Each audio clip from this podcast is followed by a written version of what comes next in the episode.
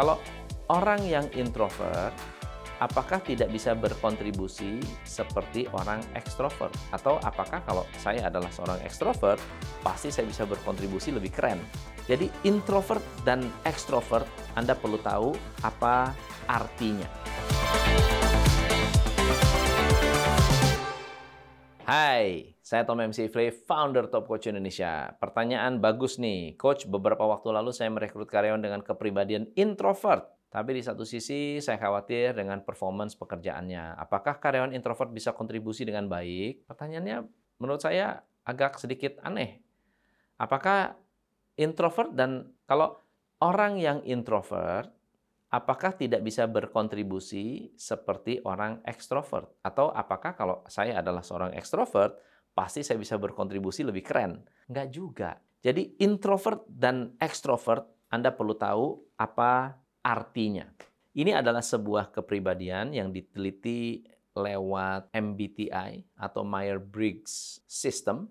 Test, ada dua ibu anak yang melakukan penelitian selama 20 tahun yang kemudian menghasilkan 16 kepribadian.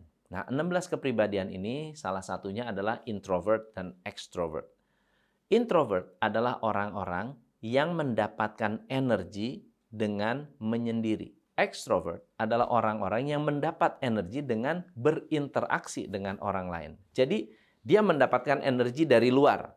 Bukan berarti kalau saya extrovert, dan saya dapat energi dari luar, berarti saya akan lebih berkontribusi di perusahaan. Oke? Atau sebaliknya, karena saya suka menyendiri, saya nggak suka ngomong, saya nggak suka komunikasi, berarti saya adalah orang yang tidak bisa perform. Nggak seperti itu. Introvert dan extrovert hanya pilihan atau filter dalam pikiran kita untuk merecover atau merecharge energi kita. Nah, Orang-orang yang introvert memang memiliki kecenderungan berpikir mendalam, lebih cenderung tidak mau outspoken, lebih cenderung kalau berkomunikasi dia akan pilih-pilih kata-kata yang keluar dibandingkan orang-orang yang ekstrovert. Karena orang-orang yang ekstrovert percaya bahwa kalau saya ngomong, saya ngobrol, saya teriak, saya apa, orang-orang di sekitarnya bisa menerima mereka dengan baik. Sementara orang ekstrovert, introvert tidak seperti itu. Tapi apakah mereka tidak bisa berkontribusi? Enggak juga. Coba Anda perhatikan, berapa banyak orang-orang yang memiliki karakter introvert yang memiliki prestasi? Banyak. Siapa? Bill Gates, Mark Zuckerberg, Elon Musk, Warren Buffett, Jeff Bezos.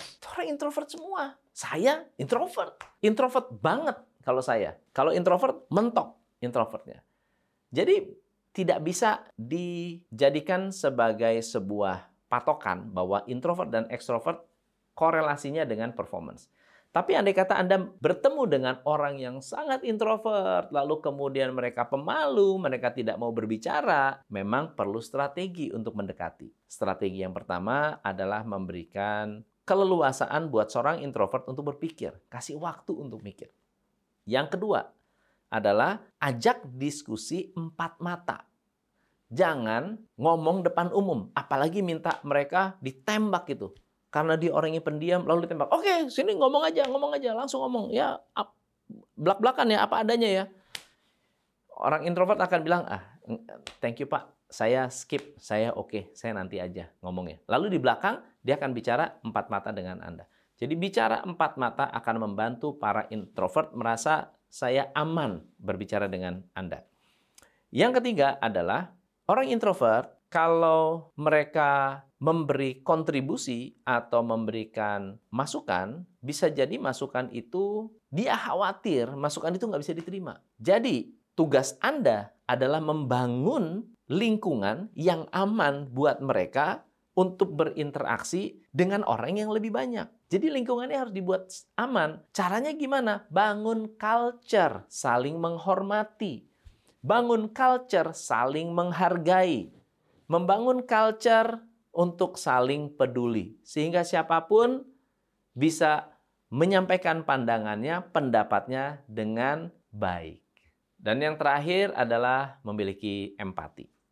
Introvert, extrovert itu dua hal yang bisa jadi ketuker Jangan-jangan Anda punya dua-duanya. Jangan-jangan kita punya dua-duanya. Anda bisa jadi introvert di satu sisi, Anda bisa jadi ekstrovert di satu sisi. Anda mungkin ketemu dengan teman SMA Anda, Anda jadi ekstrovert. Tapi di kantor, Anda introvert. Bisa terjadi. Di rumah, Anda ekstrovert. Tapi begitu Anda masuk ke lingkungan komunitas, pejabat, Anda jadi introvert. Itu semua sangat logis sekali.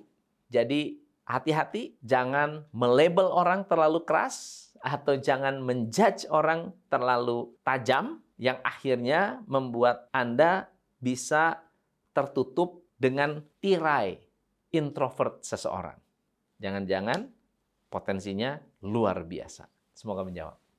Saya Tom MC Flis, salam pencerahan. Hanya di Coach Indonesia.